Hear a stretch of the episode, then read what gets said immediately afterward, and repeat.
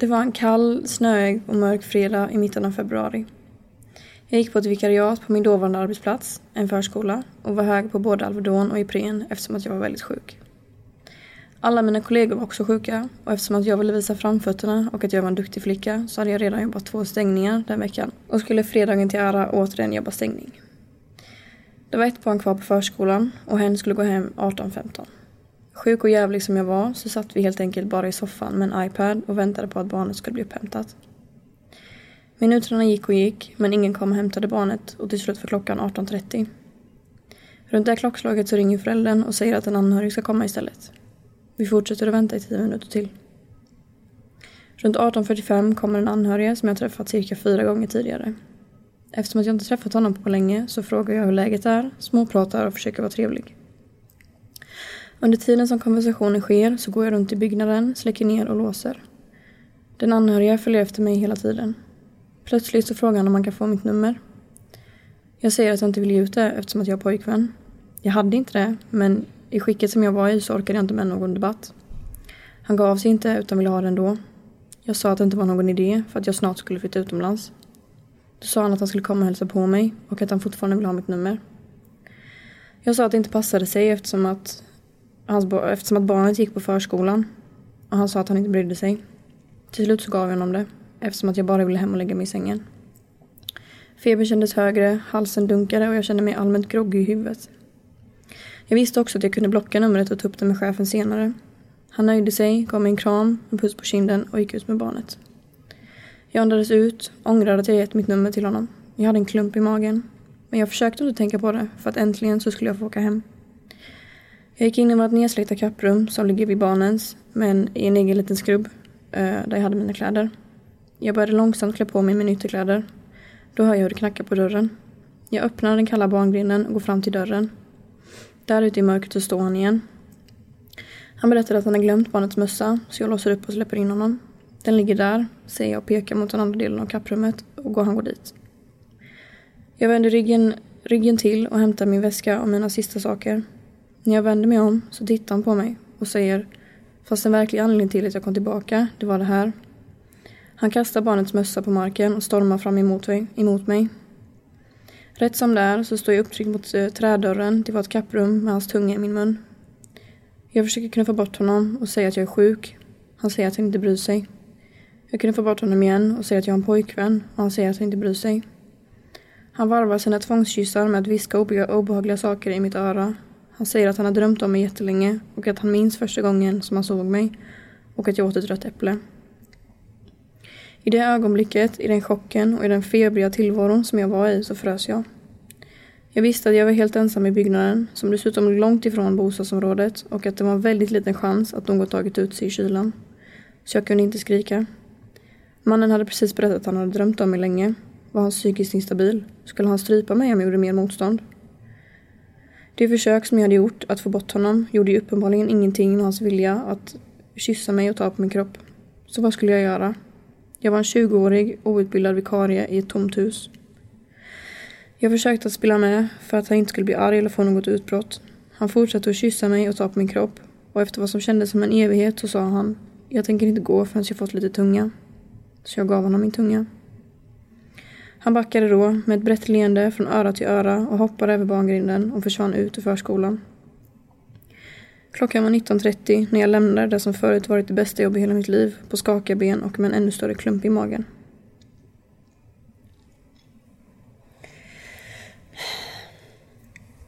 Ja, eh, det här är då min historia eh, i metoo-uppropet.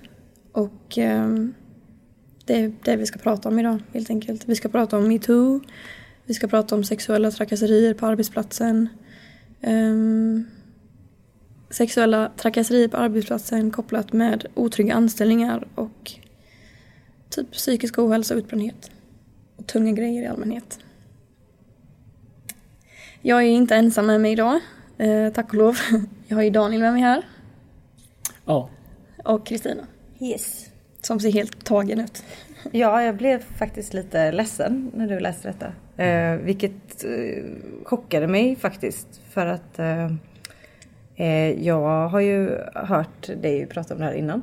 Mm. Och eh, då har jag mest eh, som nästan alltid när jag hör om sådana här grejer. Alltså som kvinna och har levt ett liv i, i det samhället så som Mm. det ser ut, eh, som vi är nu, eh, så är man ganska avtrubbad. Eh, kan jag uppleva. Eh, att man blir arg eh, när man hör sådana här saker men eh, ofta så, alltså efter, när det har hänt så många av ens vänner och en själv så många gånger så blir man så här, ja men det visste jag ju, det här händer ju hela tiden. Så man blir nästan lite avtrubbad. Eh, men nu så, eh, vanligtvis brukar jag bli arg men nu blev jag typ lite ledsen. Ja, och eh, det värsta är ju att det här är liksom inte min enda historia. Alltså jag har ju flera historier men den här ehm, är nog eh, topp tre värst. Eller den är topp ett. Den är värst. Den är värst. Eh, och eftersom att vi ändå pratar om hur man har det på jobbet och fackligt engagemang så tänkte jag att det här skulle vara en väldigt bra historia att ta upp. Eh, för att det är så här det kan gå till ibland liksom. Jag tänker att metoo har ju verkligen gjort det så sjukt tydligt vilka, vilka sjuka problem vi har i, i, i det här samhället. Liksom. Och som ibland beskrivs som världens mest jämställda land. Och alla de här berättelserna som genom metoo bara har liksom exploderat och, och eh, visat på, på verkligheten från liksom mammor, vänner, systrar, barn. Alltså det, det blir ju så sjukt påtagligt att det här som ingen ska behöva utsättas för utsätts jävligt många för. Och ja, det personliga är verkligen politiskt. Det är, ja, det är, det är verkligen ledsamt och eh,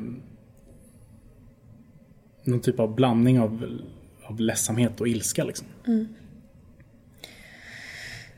Min spontana reaktion på hela metoo-kampanjen är ju typ att det har ju inte på något sätt varit något uppvaknande för mig. För att, att det har hänt i princip varenda kvinna, det visste jag redan om. Ehm, men eh, det som jag tyckte var så jäkla häftigt var Alltså hur det började hända grejer.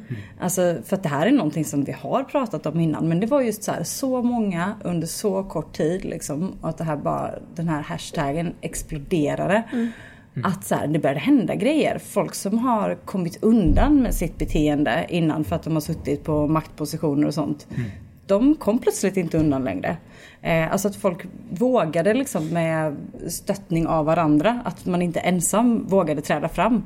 Eh, som kanske har hållit det här inom sig. Och så, och så just typ den här nästan så här revolutionsstämningen som var ett tag när man bara så här shit nu händer det grejer.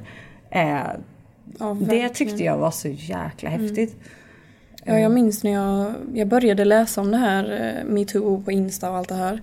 Eh, och så blev jag så himla bara, men nu får det la fan vara nog. Alltså nu orkar inte vi med det här mer. Och sen fick jag någon notis senare om eh, Margot Wallström som liksom hade uttalat sig om det här metoo-uppropet att så här, men nu måste det ju ske någon lagförändring. Och så känner man så här bara, ja men det var väl fan på tiden eller? Äntligen har vi liksom lyckats göra någon slags skillnad på en ännu högre nivå. För att det är inte så att det liksom har funnits att det liksom har varit brist på eh, hemska historier, det läser man ju, kan man ju läsa dagligen från liksom feministiska profiler och massa sånt där men det har liksom aldrig hänt någonting ändå. Man har vetat om det men det har inte hänt någonting. Och nu med alla de här uppropen och alla historier så känns det som att nu tar vi fan ingen skit längre. Nu räcker det typ. Nu är det nog. Ja, t- sätter till med Margot Wallström i foten. Det är helt fantastiskt. Eh, och jag vill också påpeka att eh, det kan vara lite störningsljud i bakgrunden. Säger man så? Störningsljud? Jag vet inte. eh, och det är för att vi sitter i Stockholm. På Daniels eh, hemmabas. så om det, om det är några ljud som stör så är det bara Daniels kollegor som springer omkring här och hämtar kaffe. Så det blir ingen vegansk kebabpizza idag. Det blir ingen vegansk kebabpizza idag, nej. Kanske finns här också i och för sig. Får googla innan vi går hem. Men det jag tänker på kring metoo också det är att jag tror att jag hoppas verkligen att många, speciellt män, ser liksom att att ens beteende, att man verkligen borde fundera på ens eget beteende och ens vänners beteende liksom och fundera på att det, det är liksom inte, det blir så tydligt att det inte bara är en fråga för någon politiker högt uppe utan det här handlar ju om liksom människors liv och vardag och liksom beteende och ehm, hur vi fostras och normer och det här samhället liksom. Och, Ehm, det, det, går, det går nog inte längre att... Jag, jag hoppas att det blir tydligt liksom, att det går inte att säga att nej, men det handlar om invandrare eller det handlar om den här gruppen eller så. Nej, det handlar om män. Mm. Det... Ja, jag har faktiskt funderat på det när jag läst alla de här historierna. Att hur reagerar man som man? Alltså, hur har du tänkt? Hur har du... För jag vet, jag har också läst om det här initiativet med killmiddagar. Har ni hört talas om det? Nej. Ja, det är... Fatta vill du förklara? Ja, men visst är det Fatta som har tagit ja, initiativ till det här? Jag är 99% säker på det. Mm. Mm. Eh, och de, eh, de vill ju då att män ska äta middag tillsammans och prata om men, mansnormer, eh, kvinnoförtryck typ. Eh, och liksom men, prata hur man ska Okej, okay, jag vet inte exakt hur, vad de pratar om kanske men syftet är i alla fall att man ska diskutera med män. Att män diskuterar med män och typ men hur, eh, hur kan vi påverka? Eller vad gör vi? Typ? Nej men det jag tror är, är jävligt viktigt det är väl liksom att dels lyssna och ta in alltså alla de här berättelserna och gör man det så tror jag det blir väldigt tydligt att det, det här är ett enormt problem som finns överallt. Liksom. Det finns ingen organisation eller ingen typ företag eller arbetsplats som kan säga att det här rör inte oss. Mm. Eh, det går inte att vara en isolerad bubbla i det här samhället och det blir så tydligt tycker jag med metoo att det här är jävligt omfattande generellt problem liksom som eh, där, där män ju, tycker jag, där jag själv liksom, man verkligen bör fundera på våga ta, våga liksom ta in att det här är en problematik där, eh, så här, visst könsroller begränsar ju alla, också män. Men där man verkligen borde fundera på så här, hur beter man sig själv? Hur beter ens vänner sig? Hur beter man Accepterar man liksom en grabbig jargong, en machokultur? Mm. Alltså, det, det, börjar med en själv. Liksom. Mm. Och, eh, och där har ju män ett jävligt stort ansvar. Mm. Verkligen. Jag vet inte riktigt vad jag ska... Jag har kommit av mig lite här nu, känner jag.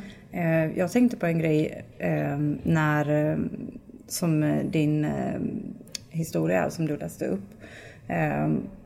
Vad din, dina reaktioner efteråt var. Liksom.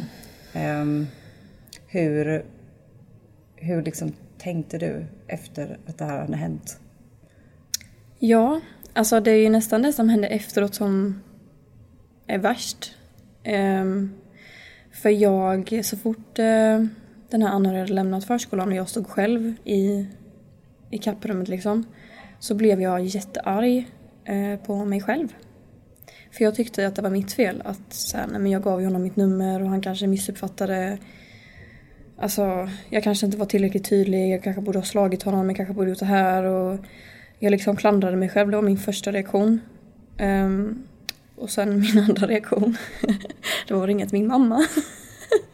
jag har insett nu i efterhand att jag refererar väldigt mycket till min mamma. Men det var väl en bra sak att ringa till ja, mamma?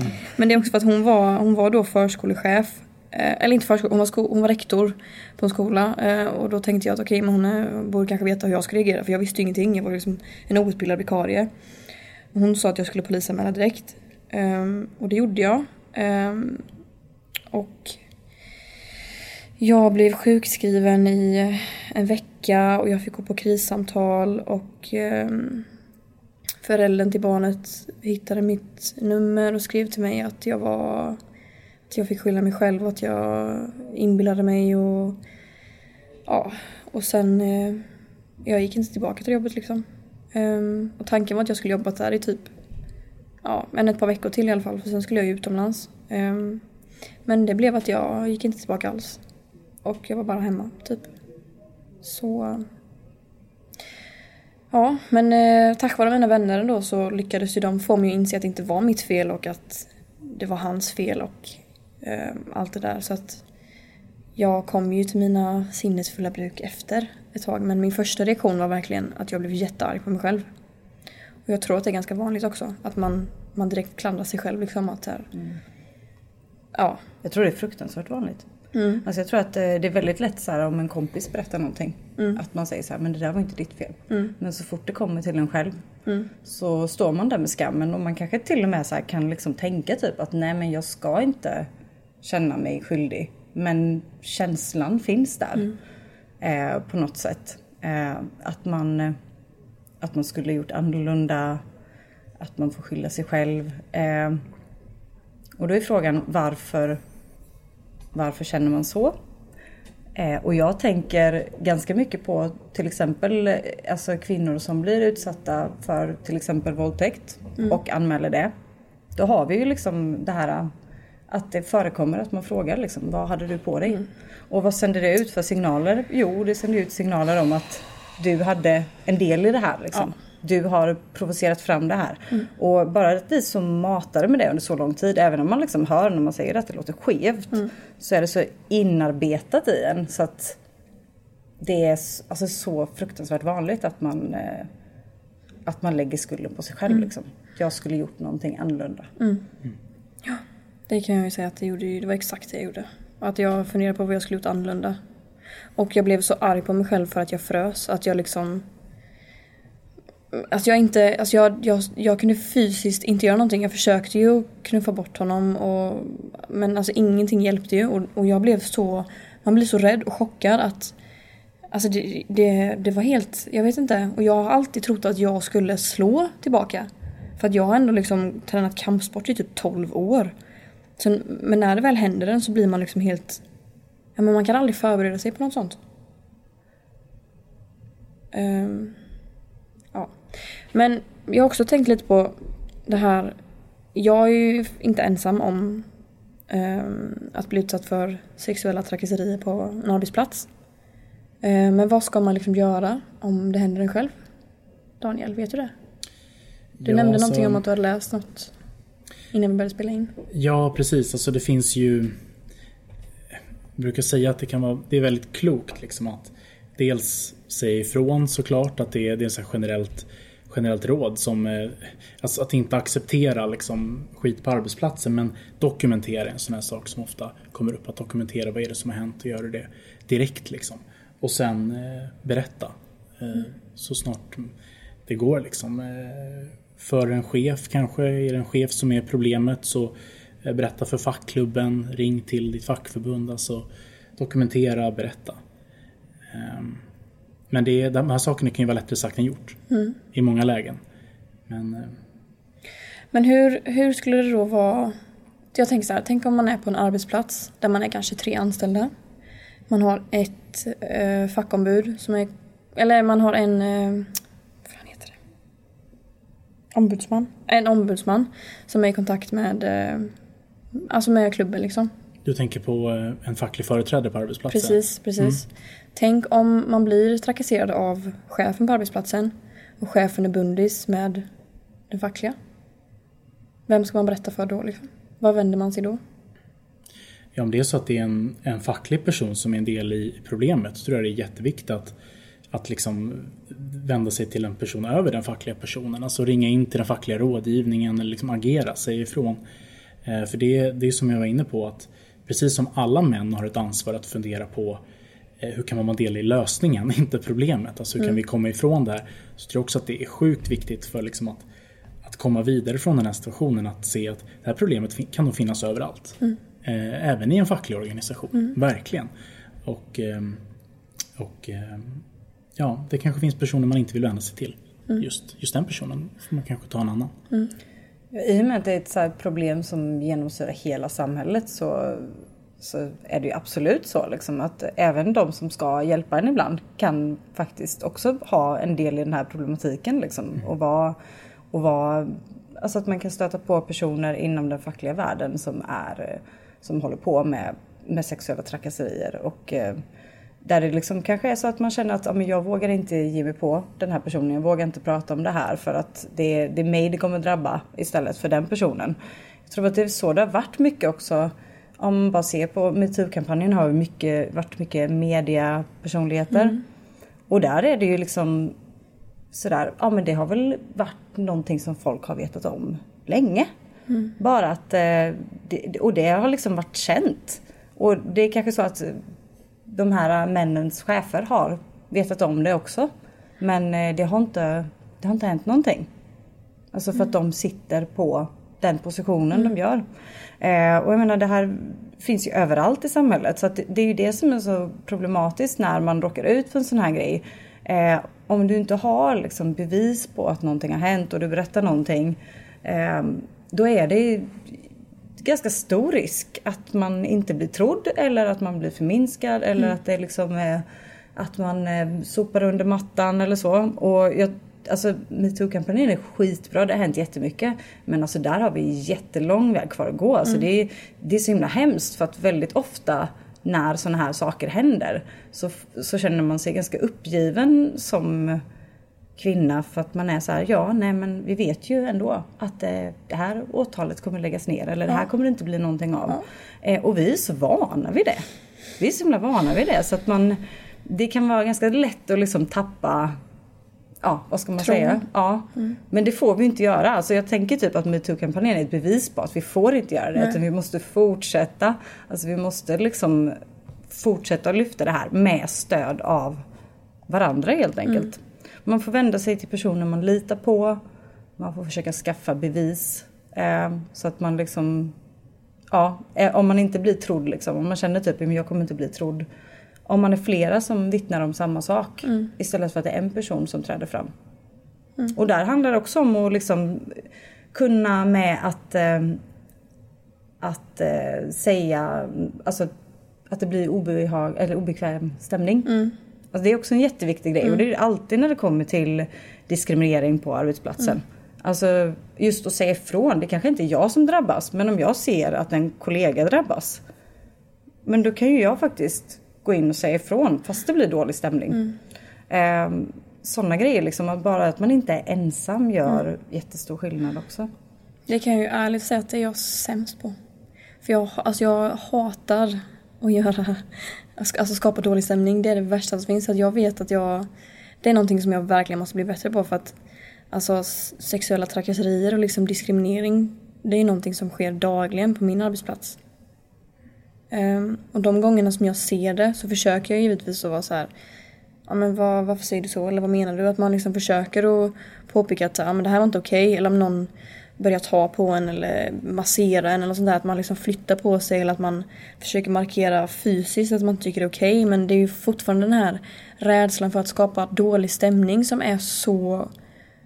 Alltså jag tror att om man inte hade varit så rädd för att skapa dålig stämning så tror jag att folk hade sagt ifrån mycket oftare. Så jag tror att på, på ett sätt måste vi nog skapa ett, en, en större, vad ska man säga? Mm, inte sugenhet när man vill... eh, Mm, när man vill, eh, när man vill ha någonting. Jag vill hitta ett ord för det här. Vänta. Um, be, begäran. Ett större... Be, att vi, just det, nu är jag tillbaka.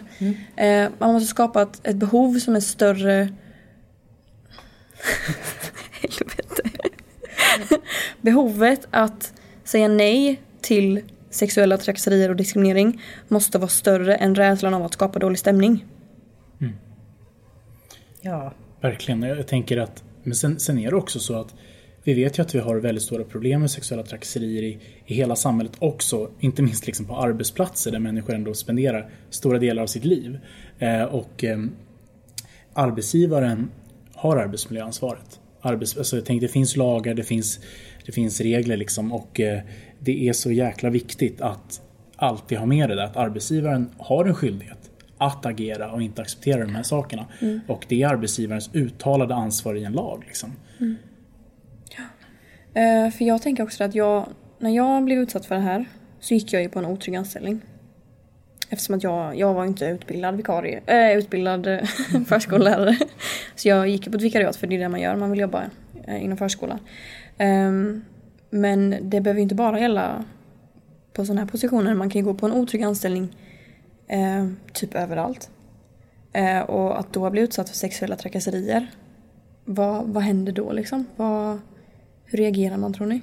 Man är väl jätterädd för att inte få förlängt liksom om man lyfter det. Alltså, och det tror jag, det, det har jag ju pratat om innan just det här kruxet med otrygga anställningar är att man vågar inte säga ifrån när någonting är fel. Och det gäller ju, alltså sexuella trakasserier är svårt från första början där eftersom att det är folk bär på den här skammen och man liksom inte blir trodd och så vidare. Um, och där blir det ju liksom ännu svårare då kanske att lyfta det här. Um, jag tänkte lite på det vi pratade om att, skapa dålig stämning och så. Um, jag kan nog i vissa sammanhang vara ganska skitbra på att skapa dålig stämning. Nej men jag vet att jag Det är har bra, gjort det är bra. Ja men jag vet jag har gjort så här ibland när man åker hem från krogen, man sitter på en buss och så märker man att det är någon typ full snubbe som trackar en tjej och hon är så här märkbart eh, obekväm. Då har jag liksom vid tillfällen gått fram och typ sagt till liksom. Eh, för att jag märker så här, hon pallar inte själv. Jag kan göra det. Och liksom, eh, det, man vet ju inte alltid hur det mottas liksom. Men eh, de gångerna jag har gjort det så har, eh, så har liksom tjejen tackat. Så inga problem. Men när det är jag som blir utsatt. Då är det mycket svårare. Då, då blir man plötsligt väldigt liten. Ehm, och det där är så... Alltså det finns ju massa olika exempel liksom på hur, hur sexuella trakasserier kan se ut. Eh, det kan vara liksom väldigt så här, eh, våldsamt, obehagligt, eh, hotfullt. Men det kan också ske från en eh, killkompis som eh, bara ska skoja lite. Och hur säger man ifrån när det är en kompis? Ja. Och eh, jag kan ju själv säga, jag ska liksom inte gå in på exakt berätta någon historia sådär. Men jag har ju varit med om killkompisar som eh, dessutom är uttalat feminister eh, och skriver mycket om sånt på Facebook och så. Som har liksom, eh, ja men tagit på, på mitt könsorgan liksom. Alltså, och bara så här på skoj och skrattat. Och eh, hur reagerade jag då? Jo, jag sa sluta och nej och stopp. Men jag skrattade också. För att det var så sjukt obehaglig situation. Och vad gör man liksom? Eh, och det är inte så att jag tyckte att det var roligt. Eh, men jag skrattade. Och det är också så här, du frös. Eh, det var din reaktion. Alltså det är det, man kan inte, och jag tror att många män måste fatta detta liksom. Att det är inte, du kan inte bara säga, ah, men hon tyckte det var kul, hon var med på det. Ja, om man, om man nu ska analysera det här eh, beteendet ur ett feministiskt perspektiv. Varför tror ni att kvinnor reagerar så? Vad tror du Daniel? Eh, på vad då? Varför, varför kvinnor liksom eh, fryser eller skrattar eller liksom inte, eh, inte reagerar? Inte bli arga. Ja, inte och bli liksom, arga. Ja. Alltså jag tror att människor som utsätts för kränkningar och, och liksom verkligen allvarliga kränkningar. Jag tror att att kräva att du ska reagera på ett visst sätt. Det är ju omänskligt. Människor är människor. Liksom. Vi reagerar på olika sätt. Vem, vem, vem, vem kan förutsätta att en viss person som utsätts för någonting ska reagera på just det sättet? Så funkar det ju inte. Liksom. Det är ju jättekonstigt att säga, alltså, om, man, om man har den tron att om en person blir utsatt för någonting som är jävligt obehagligt för den människan att, att den personen ska reagera genom att börja gråta eller skrika. Ja, då, då tror man ju fel. Mm. Jag tänker också men att det är liksom en kvinnogrej att, att hela tiden beakta männens känslor. Att man liksom inte vill um, såra det manliga egot. Också att man typ genom hela livet har fått tugga i sig det här. Liksom. Att det, det är sånt där man får ta, det är sånt man får tåla. Och liksom, eh, när man har eh, liksom varit på skolgården och sen så sprungit in och tjallat. Liksom, att eh, ja men den här killen eh, typ så här, tryckte upp mig mot väggen och så här, tog på min kropp. Ja men du vet så här, eh, han är bara lite intresserad av dig. Ja, det är sånt man har fått tugga i sig. Liksom. Killar gör så för att visa att de är kära. Ja, men det är ju där liksom. Och typ bli dragen i flätorna. Ja, men så här. Kärlek börjar alltid med bråk och liksom, ja, du vet alla möjliga sådana här grejer som man säger. Eh, och liksom just typ som att man ska vara tacksam över att en kille visar intresse för en snarare. Eh, och det blir man ju färgad av. Så här. Det matas man ju in med hela tiden. Ehm, så det är ju, det är liksom, det, vi måste ju börja ändra på, alltså på det här, på en det är ju det som, det är inte bara för jag tror att väldigt många män som läser om metoo är så här, men gud vad hemskt liksom. Om någon skulle göra det där mot min dotter eller syster eller vad det nu är. Så skulle jag bli så himla arg och det skulle jag aldrig tillåta. Och sen kanske de själva är en del av den här våldtäktskulturen fast de ser inte det själva. Och på vilket sätt är de en del av det då? Jo, men de skrattar åt sådana skämt. Eh, de ser saker på arbetsplatsen, hör folk som pratar om det och accepterar det. Alltså jag har hört eh, liksom eh, jag ska inte säga killkompisar men liksom kompisar till eh, ex-pojkvänner som har typ skämtat om hur de har misshandlat sina tjejer. Alltså typ att de berättar det som roliga historier och skrattar åt det. Eh, och, och så liksom när man kommer in och bara så här, ursäkta vad, typ, Vad fan snackar vad, ni om? vad, vad pratar de om? Har det här hänt på riktigt liksom? Så är det så här bara, åh gud, nej det är ju jättehemskt egentligen. Och man bara, men varför sitter vi här och skrattar åt det då? Eller ni då liksom. Det är jättekonstigt. Um, så de, dels att man måste börja säga ifrån liksom redan på den nivån. Liksom. Det är skämt um, och när man hör saker. Uh, inte bara de här liksom väldigt påtagliga händelserna som, uh, som nog de flesta fattar att det är fel. Um, men sen pratade vi också lite på tåget om ju så här, eh, för vi satt och pratade om det här och så funderade vi lite över liksom, eh, när eh, snubbar gör såna här grejer. Är de medvetna om Mm. hur fel de, gör? gränsen, liksom. Eller lever de i någon bubbla av att det här kan jag göra? Mm. Och vad har de fått det ifrån då? Är det också liksom från den här skolgården typ Mm. att, att de har mer eller mindre rätt till våra kroppar? Mm. Eller liksom var, var kommer det ifrån och, Mm. och hur upplever Ehm, det är ju också ganska intressant med män som har gjort någonting och som sen då kanske kommit till insikt om det. Man skulle vilja höra mer sådana eh, historier liksom, om hur, hur de tänkte. Eh, Ja, verkligen. Jag tänker bara om vi ska koppla tillbaka till det här med eh, sexuella trakasserier på arbetsplats, arbetsplatser. Um, vad, nu, det som hände mig, det var ju liksom vad ska man säga, en engångsföreteelse. Alltså jag eh, kommer ju inte tillbaka dit sen. Men jag tänker om, om det här är någonting som man, man är med om på liksom en daglig eller vecko, veck, vecklig, veckolig, vecko, veckobasis. Veckobasis, exakt. Tack så mycket. Ehm, vad tror ni händer med, med människan som blir utsatt då? Hur mår man liksom? Vad Ja. snurrar i skallen? Jag tänker att många som har en väldigt otrygg anställning mår ju dåligt bara av det skälet att det är väldigt otryggt. Liksom, kommer jag kunna betala hyran nästa månad, nästa vecka, nästa dag? Och som som Kristina sa, sitter i en väldigt, väldigt osäker situation. Och eh, vi vet ju att så här, osäkra människor eh, på grund av liksom, osäkra anställningar och sådär, det påverkar ju hela livet. Och eh, riskerar att skapa tysta arbetsplatser. Och det här är ju en sån sak där där det verkligen finns en risk för att, eh, att saker ännu mer liksom sopas under mattan, inte kommer fram. Och, så att jag tror det finns eh, väldigt många exempel på eh, hur må- mm, speciellt tjejer mår väldigt dåligt. Eh, också, inte bara på grund av en otrygg anställning som sådan utan vilken extra utsatt situation eh, personen då hamnar i. Liksom. Och, eh, jag vet att LO gjorde en stor gjorde en undersökning eller en, en, en rapport här för något år sedan. De har en ganska bra rubrik på ett seminarium de hade om det som är så här Folk tar skit när de inte har makt. Där man också såg att var tionde eh, kvinna har utsatts för sexuella trakasserier på sin arbetsplats det senaste året. Och speciellt kvinnor är utsatta och speciellt unga kvinnor. Speciellt unga kvinnor i servicesektorn. Mycket otrygga anställningar. Ja, precis. Jag tänker också, för vi ska ju prata lite om psykisk ohälsa. Och det här är ju verkligen någonting som kan skapa psykisk ohälsa och om jag får gissa, eh, eh, utbrändhet.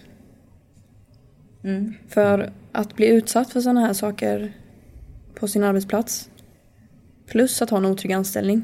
Alltså det skapar ju, hur blir man inte utbränd av det liksom? Ja, ja jag, jag tänker lite på... Eh, jag har inte svaret på din fråga. Nej, jag Men jag inte. tänkte på just det här om att må dåligt och så. Jag ville problematisera lite kring det. Eh, för att eh, det är nog väldigt ofta man tänker så här, bara, okej om man blir utsatt för sexuella trakasserier på jobbet. Eller att det liksom förekommer en sån jargong eller så, Mm. att man mår dåligt. Det kan också vara så att man inte mår dåligt av det.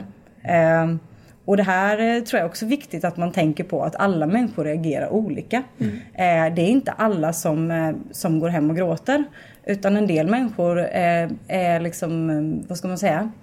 Eh, har liksom blivit härdare. Det är ju kanske inget bra att man har blivit det. Men eh, alltså att man låter det rinna av, att man inte tar åt sig det. Eh, och man kanske kan hantera det. Och, och det kan också vara en farlig grej. Där, där tänker jag också så viktigt med vad kan vi kvinnor göra för att stötta varandra. Eh, det är ju att det finns ju kvinnor som säger att "Ja, men det där får du det där får du allt tugga i dig. Typ. Eller det är inte så farligt. Bara skit i det du. Det är, eller skit i det. Typ. Så här, låt inte det påverka dig. Ehm, men det är så olika liksom. Och där tror jag att om man då är en sån person som, som kanske lätt bara kan så här, släppa det typ. Och inte låta det komma in liksom och, och göra en så mycket skada. Att man eh, tänker på att man ändå måste säga ifrån. Alltså även om jag kan ta ett, ett eh, liksom en kommentar så, så kanske inte min kollega kan göra det. Och då är det också viktigt att jag, att jag säger ifrån då. Så att man, eh, man tänker på det också. Liksom, att vi, Stå för varandra. Ja, precis. Eh, Det är vi kvinnor som, eh, som får liksom, i, ja, det, allra oftast så är det ju kvinnor som blir utsatta. Men det är också så att vi kan vara med och upprätthålla det här också. Alltså vi upprätthåller också den här jargongen. Ehm, Springer patriarkala Mm. ärenden. Jag tänkte på det, vi, vi är människor och människor är olika. Därför reagerar vi liksom olika. Jag tänker, som du sa Kristina, det här innan med att eh, att liksom ta den här, skapa dålig stämning. Fler män borde skapa dålig stämning. Ja, att liksom, är du en del i problemet eller en del i lösningen? Alltså att liksom eh, säga ifrån. Det kan inte bara vara, det måste också vara mäns ansvar liksom, att bryta de här eh, ja, säg ifrån när en kollega eh, gör eller säger någonting. Fundera på ens eget beteende. Säg ifrån när ens vän gör eller säger något. Alltså, det, blir, det handlar ju om ens personer man umgås med liksom dagligen. Det handlar om ens, det är verkligen det personligaste. Ens liv liksom. Och där bör ju alla verkligen fundera. Hur kan vi bryta de här mönstren som ju verkligen begränsar oss alla men som, som drabbar liksom tjejer på, ett, på ett sätt som om, om någon inte förstår det efter att ha sett den här explosionen av berättelser då borde man läsa dem igen liksom, hur omfattande det är. Och, Så att fler, fler eh, snubbar som skapar dålig stämning eh, Efterlyses. Det, det efterlyses. Ja, för jag tänker också på, alltså efter det här som hänt mig så har jag ju ehm, blivit lite mer, vad ska man säga, alltså om det händer något liknande eller om jag får någon liknande känsla av en situation så blir jag ju, då, då får jag ju nästan flashbacks eh, av det. Så om, om någon skulle börja och trakassera mig eller försöka att det skulle liksom börja gå över gränsen då är jag ju rädd för att reagera för att jag är ju liksom ärrad av det som har hänt förr. Och jag kan tänka mig att så är det med många kvinnor att man är rädd för män. Och man vågar liksom inte säga emot för att man tänker så här. Men tänk hur många, alltså tänk om man blir misshandlad. Det finns ju jättemånga män som slår kvinnor och som är liksom helt, alltså. Man vet ju ingenting om, om eller man kanske inte vet någonting om människan som, som står och stöter på en eller som börjar trakassera en liksom. Och då, då vågar man liksom inte alltid reagera eller skapa dålig stämning. Eller, jag vet inte, jag gör i alla fall inte det för att jag är så rädd för att det liksom ska, ska hända någonting typ allvarligt. Och där tror jag verkligen att ur den synpunkten så är det ännu viktigare att män tar sitt ansvar och skapar dålig stämning för att vissa kvinnor vågar liksom inte. För sin egen typ säkerhets skull. Ja, alltså det där... Det känns som att man har under åren så utvecklat någon slags så här, Man kan så känna typ så vibbar direkt när man pratar med en ny snubbe. Jag har ju liksom dejtat en hel del och alltså jag vet vissa sådana här som man har, eh, man kanske har matchat med någon på Tinder och så börjat liksom snacka och sen bara får man så här skitdåliga vibbar liksom av att, typ, att det är en person som vill kontrollera en eller liksom skriver på något sätt så här, ja men lite så här lilla gumman nu ska du göra så här typ. Alltså man bara så här okej, nej, hej då. Man så direkt typ känner så här vibbar av. Eh, och man kanske är överkänslig ibland, jag vet inte. Men, eh, men det är typ som att man, man vill ju skydda sig själv. Så att man, man får sådana här typ dåliga vibbar och så bara drar man sig tillbaka och bara typ nej, det här vill jag inte. Eh, men det där är så sjukt svårt för att Eh, det är inte bara liksom de som är creepy som gör sådana här saker. Utan det är de som är fett sympatiska, snälla, hur goa som helst, charmiga som också gör de här grejerna. Så man kan ju inte skydda sig mot det. Och det kommer också det, liksom det här man typ tänker så här, jag borde ha fattat bättre, jag borde ha... Men det går inte. Det går verkligen inte. Men... Eh, Men jag tänker också på det här med liksom begreppet arbetsmiljö. Jag tror att det har varit väldigt så att du tänkt på typ nu har jag skadat mig eller, eller, eller så. Och arbetsmiljö är ju, ja, men arbetsgivaren har ansvar för god arbetsmiljö och eh, arbetsmiljö är minst lika mycket psykosocialt liksom och de här frågorna. Så att arbetsmiljöarbetet tror jag verkligen det behöver uppvärderas generellt sett arbetsmiljöarbetet men de här bitarna vi har diskuterat idag eh, borde verkligen vara liksom, kanske det mest prioriterade arbetsmiljöarbetet på många håll. Verkligen. Det är jag helt enig om. Eh, Vi hade ju tänkt att prata lite om det här med psykisk ohälsa och utbrändhet. Eh, För det kan också påverkas en hel del av arbetsmiljö. Eh, Men det här ämnet är ju så stort och viktigt att prata om så att eh, jag tänker att vi kör en rain check på den helt enkelt. Och tar upp det i något annat avsnitt. Mm. Känns det bra? Ja. Yes. Okej, vad har vi pratat om idag då? Ska vi recapa? Patriarkatet. Patriarkatet. Ja. Patriarkatet och metoo och hemska, hemska, hemska grejer. Väldigt, det var ett, det var ett väldigt tungt avsnitt idag men jag kände att det här, det här behövs. Så att, eh, jag tänker inte be om ursäkt för det. Och vi liksom, vad ska man säga? Välkomnar verkligen den här kampanjen. Vi tycker Ja, att det är så fantastiskt härligt. Ehm, mörkt men också peppigt på samma gång.